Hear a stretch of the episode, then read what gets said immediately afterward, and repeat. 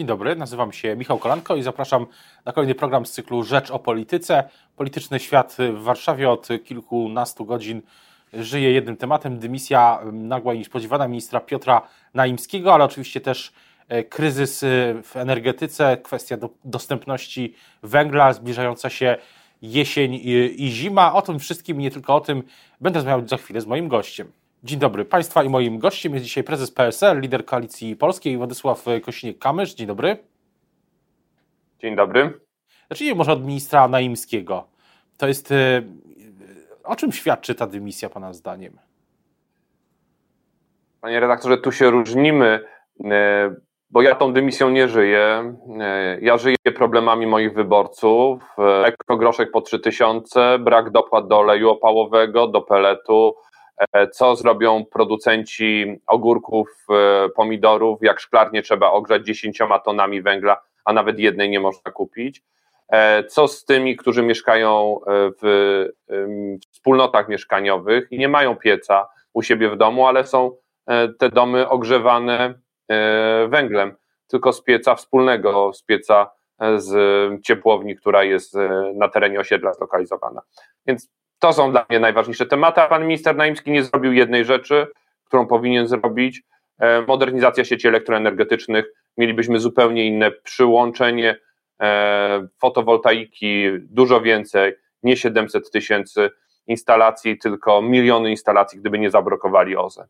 To jest, y, mówi Pan o węglu, a czy Koalicja Polska, czy Pan, jak Pan spogląda na ten pomysł tych dopłat, tej 3, wysokości 3000 złotych. To jest coś, co poprze Koalicja Polska? To nie rozwiązuje problemu. My zgłaszamy poprawki. Po pierwsze, że trzeba e, odblokować energetykę zieloną, uwolnić wiatraki, uwolnić fotowoltaikę, dać szansę na budowę biogazowni. E, po drugie, dopłaty powinny objąć wszystkie źródła e, ciepła i wszystkie substancje bo y, rząd oszukał tych, którzy wymienili piece stare węglowe na nowe gazowe i co? I zostawia ich dzisiaj samych, chociaż gaz też idzie do góry. No to jest po prostu jawna e, dyskryminacja i niesprawiedliwość, szczególnie tych, którzy zainwestowali swoje pieniądze. Więc my takie poprawki e, zgłaszamy. Popieraliśmy te wcześniejsze ustawy, e, dając szansę, żeby nikt nie mówił, że przeszkadzamy w ważnych projektach no ale widać, że to są dyletanci, to są niekompetentne osoby, które, które nie mają pomysłu. Jedna ustawa, którą wprowadzili, nawet nie jest w stanie wejść w życie, bo nikt, z nikim jej nie przygotowali, nie przekonsultowali ze składami węglowymi.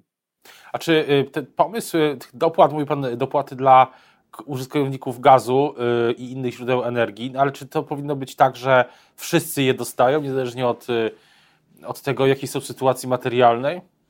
Nie, to ja bym wprowadził kryterium dochodowe, no bo oczywiście jak ktoś ma e, setki tysięcy złotych, e, no to nie potrzebuje trzech tysięcy i e, jak ktoś zarabia dużo i, i, i jest spokojny i bezpieczny na zimę, to nie potrzebuje tego wsparcia. Tak, inaczej bym to formułował. Gdybyśmy rządzili, to my mamy plan, mamy krok A, czyli pomoc tym, którzy dzisiaj potrzebują, i krok B, niezależność energetyczna, 50% energii pochodzącej ze źródeł odnawialnych, zupełne uwolnienie wiatraków na lądzie, decyzja Rady Gminy, gdzie może stać, a nie parlamentu, e, biogazownie, które mogą wytwarzać 10 miliardów metrów sześciennych gazów, czyli tyle, ile kupowaliśmy z Rosji, e, niezależność energetyczna, pierścienie energetyczne na poziomie powiatu czy gminy, przekazanie sieci elektroenergetycznych, modernizacja przez samorządy, pieniądze z KPO na ten cel no my, my jesteśmy gotowi, mamy plan, mamy pomysł. No, dyletanci do, do, e, do oślej ławki, a e, fachowcy czas profesjonalistów,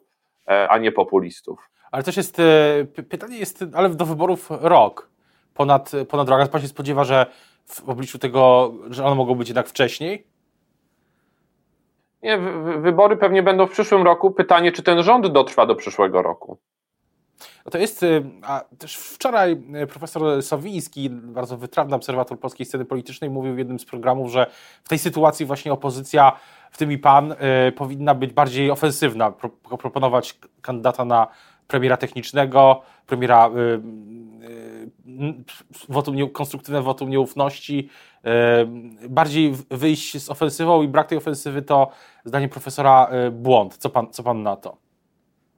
No, niczego nie należy wykluczyć.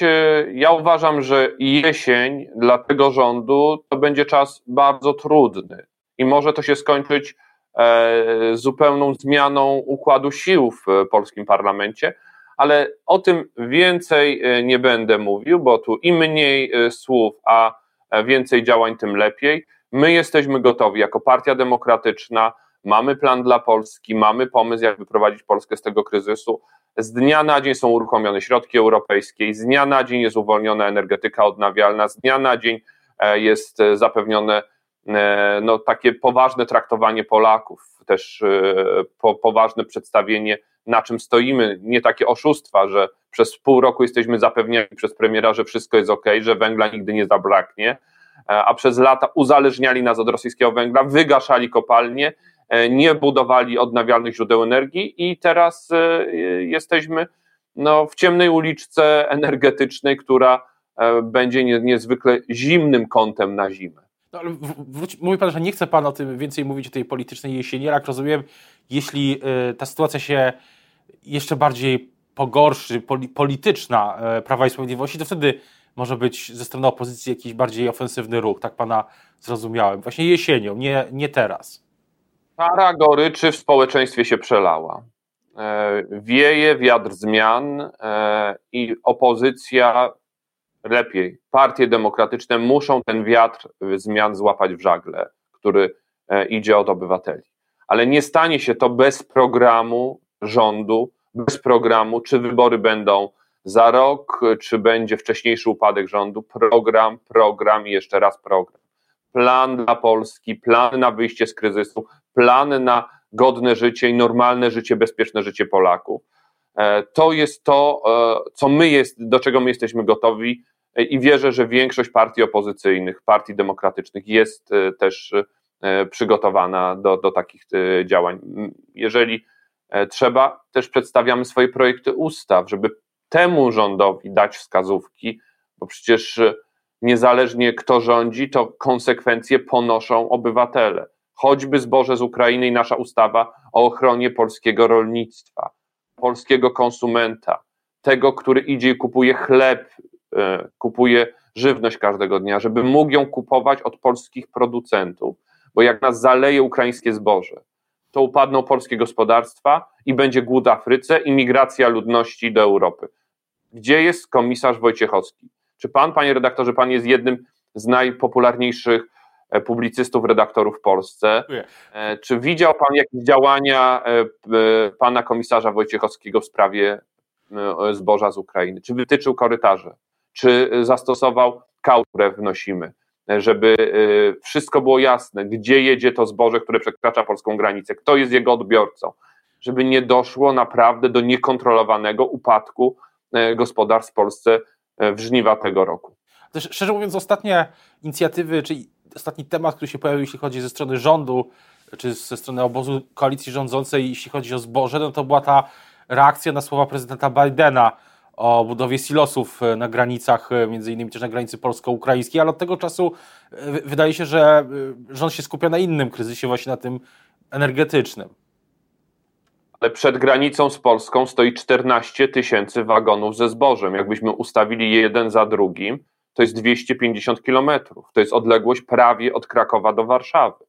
Jeżeli tego rządzący nie widzą lub o tym nie wiedzą, no to znaczy, że państwo jest pozbawione jakiegokolwiek gospodarza w jakimkolwiek obszarze. Polska bez gospodarza i alternatywa dobry gospodarz, który zadba o te sprawy i ma plan dla Polski. No to jest chyba jasny dzisiaj podział się rysuje. E, udzielne księstwa, które walczą o spółki Skarbu Państwa, panowie na włościach, którzy e, e, nie potrafią zarządzać. I dobrzy gospodarze po stronie demokratycznej. A z drugiej strony jest też pytanie, rozmawialiśmy kilka tygodni temu o tym, o takim pakiecie ustaw, o tym też Pan przed chwilą mówił, o takim punkcie, PSL Koalicja Polska od dawna o tym mówi, że potrzebny jest taki, taki punkt wspólny, pakiety ustaw, który byłby takim punktem wyjścia do zmian po ewentualnym przejęciu władzy. Czy coś w praktyce się więcej wokół tego tematu dzieje? Też na sejmowych e, korytarzach dzisiaj, wczoraj posiedzenie Sejmu, coś, jest coś więcej?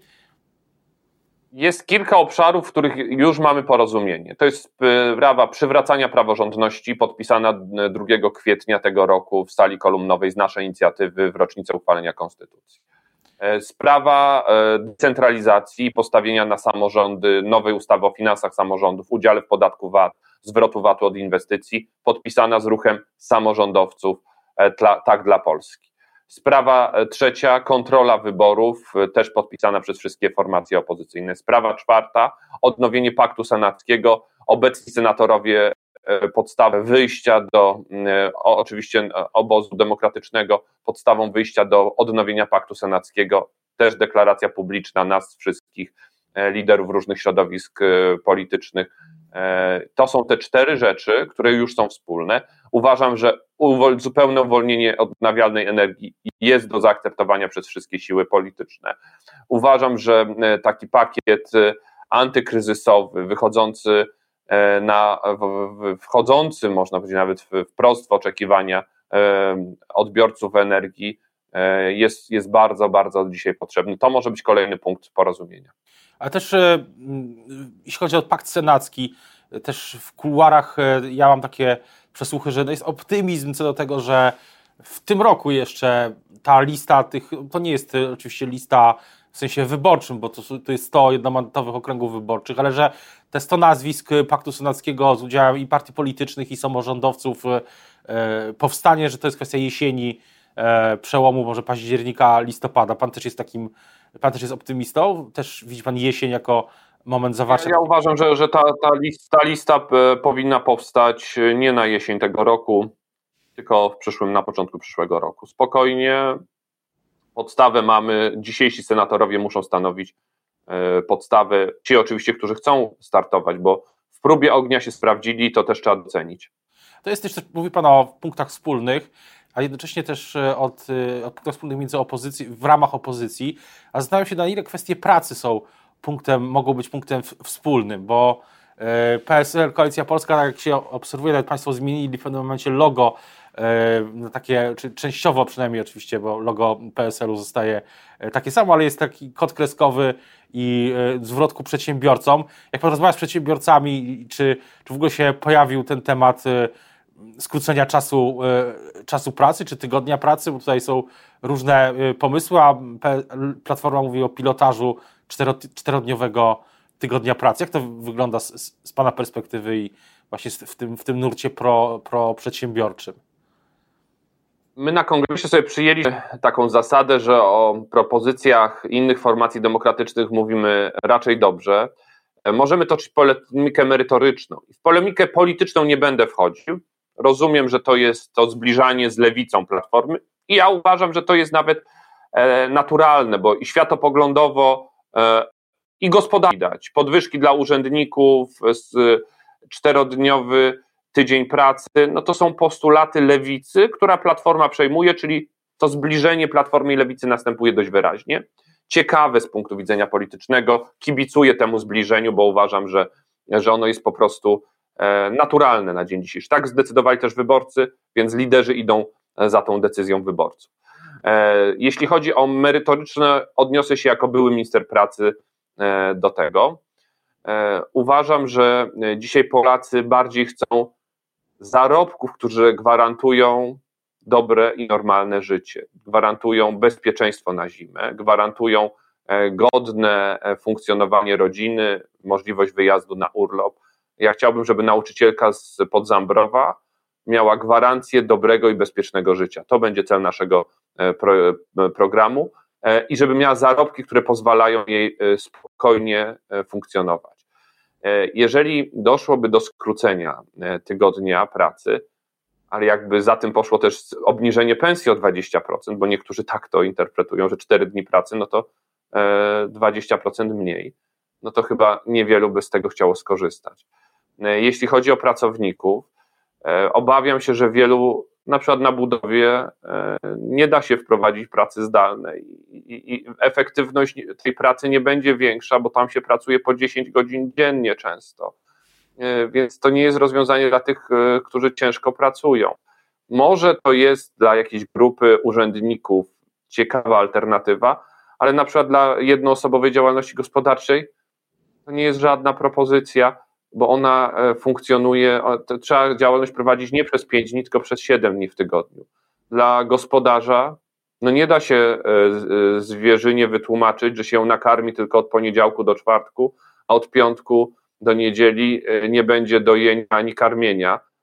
No to kompletnie jest oderwany projekt dla tej grupy. No, ja rozumiem, że ona ma trafić do grupy takich e, pracowników, urzędników może albo w wielkich korporacjach, gdzie to, to mogłoby zafunkcjonować, ale powszechnie Polacy chcą po prostu lepiej zarabiać i żeby inflacja nie zżarła ich zarobków. No właśnie, z, drugiej tak strony można powiedzieć, że na pewno, można powiedzieć, że na przykład dane, które mamy z wczoraj, GUS podał przeciętną E, przeciętne wynagrodzenie brutto w sektorze przedsiębiorstw i ono jest o 13% większe niż w, w roku e, ubiegłym. Inflacja wynosi teraz ponad 15%, więc e, chyba nie jest z tego punktu widzenia ta różnica nie jest aż tak, e, tak duża. Czyli inflacja wyprzedza wzrost wynagrodzeń, czyli te, te... niewiele, ale wyprzedza. To, to nawet symboliczna tutaj różnica pokazuje w którą stronę została przekręcona wajka, wajcha. Nie w, e, e, większe zarobki i stabilność e, życia, tylko niestety w ograniczenie dochodów. Inflacja zżera wzrost wynagrodzeń, zżera pensje i barduje. Jakbyśmy wyodrębnili jeszcze w koszyku inflacyjnym te produkty, które są najważniejsze, no przecież tam jest wzrost energii o 122% cen energii. Ocieplanie domów, o których mówił premier Morawiecki, to jest plus 62%. To są y, te przestrzenie, które wzrastają nie o kilka, kilkanaście procent, tylko o kilkadziesiąt lub kilkaset.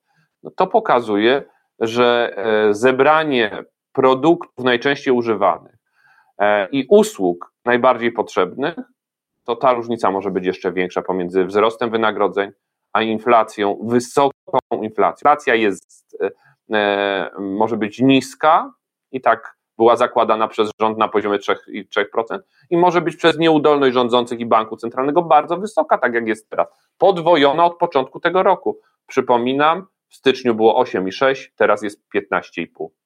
Czy to jest tak, że pan, szerzej opozycja, ale czy PSL Koalicja Polska też, czy pan uważa, że ta inflacja to też jest y, zje E, nie tylko, tak jak on powiedział, wynagrodzenie, ale też poparcie dla mm, Prawa i Sprawiedliwości, bo można powiedzieć tak, że, że ten temat, że wysoka inflacja już utrzymuje się od kilku miesięcy, a e, notowania PiS e, stoją w miejscu, nie, albo nawet momentami czasami rosną, czasami spadają, ale to jest mniej więcej ten sam przedział kilkunastu, trzydziestu paru procent jest grupa wyborców, która niezależnie od tego, co dzisiaj partia rządząca zrobi, będzie na nich głosować. To są wierni wyborcy, y, to są y, tacy, którzy nie y, zważają na to, co partia rządząca robi, po prostu są z nią na stałe i to jest bardzo duża grupa osób, akurat w, w przypadku PiSu. Moim zdaniem to jest około 20%, co najmniej, jak nie 25%. E, ale reszta, co dawała sukces, 2 miliony wyborców centrowych, na PiS już nie zagłosuje, jeżeli będzie mieć poważną alternatywę po drugiej stronie. Jeżeli nie będzie mieć poważnej alternatywy, jeżeli nie będzie mieć e, e, poważnej propozycji, to może nie pójść do wyborów po prostu.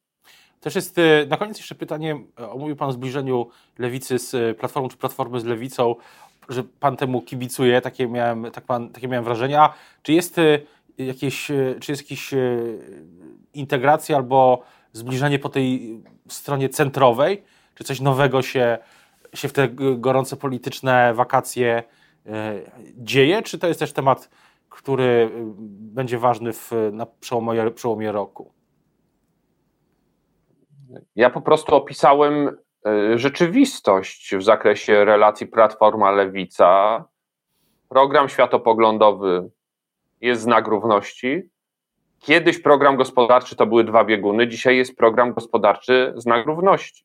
To nie jest nic złego, szanowni państwo, żeby to też tak nie zostało odczytane. To jest po prostu potwierdzenie tego, co e, deklarują liderzy i co deklarują wyborcy. Wyborcy Platformy dzisiaj są dużo bardziej lewicowy. Może część jeszcze e, polityków, szczególnie tych, którzy wstępowali do Platformy w 2001 roku, ma inne patrzenie na sprawy choćby światopoglądowe, ale to bardziej są e, politycy niż wyborcy tej e, formacji. Więc e, myślę, że, że, że po prostu liderzy Platformy przeanalizowali to wszystko i podjęli słuszną skądinąd decyzję. Co, co, co My do będziemy centrum? w bloku, centrowo, w bloku centrowo-prawicowym, no i też jest obok nas formacja Szymona Hołowni, która myślę w tych sprawach, które tutaj poruszaliśmy, zielonej energii, ale też rynku pracy ma zdanie, więc tak jak tam następuje zbliżenie w sposób naturalny bez deklaracji, tak tu następuje zbliżenie. E, Szymon Hołownia ostatnio mówił, że dla niego program jest najważniejszą wartością. Bardzo się cieszę z tych słów, bo to jest też dla nas wspólna wartość. O tym, co dalej e, w, w tej debacie opozycji, ale też oczywiście, jeśli to, co dzieje się w sprawach energii i tego kryzysu energetycznego jesienno-zimowego. Będziemy do tego jeszcze wielokrotnie wracać. Na bieżąco też to analizujemy na rp.pl i w Rzeczpospolitej. Teraz bardzo już dziękuję za rozmowę Państwa i moim gościem był prezes PSL, lider y, Koalicji Polskiej Władysław Kosiniak-Kamysz. Dziękuję bardzo. Dobrego dnia i do y, zobaczenia. Miłego dnia.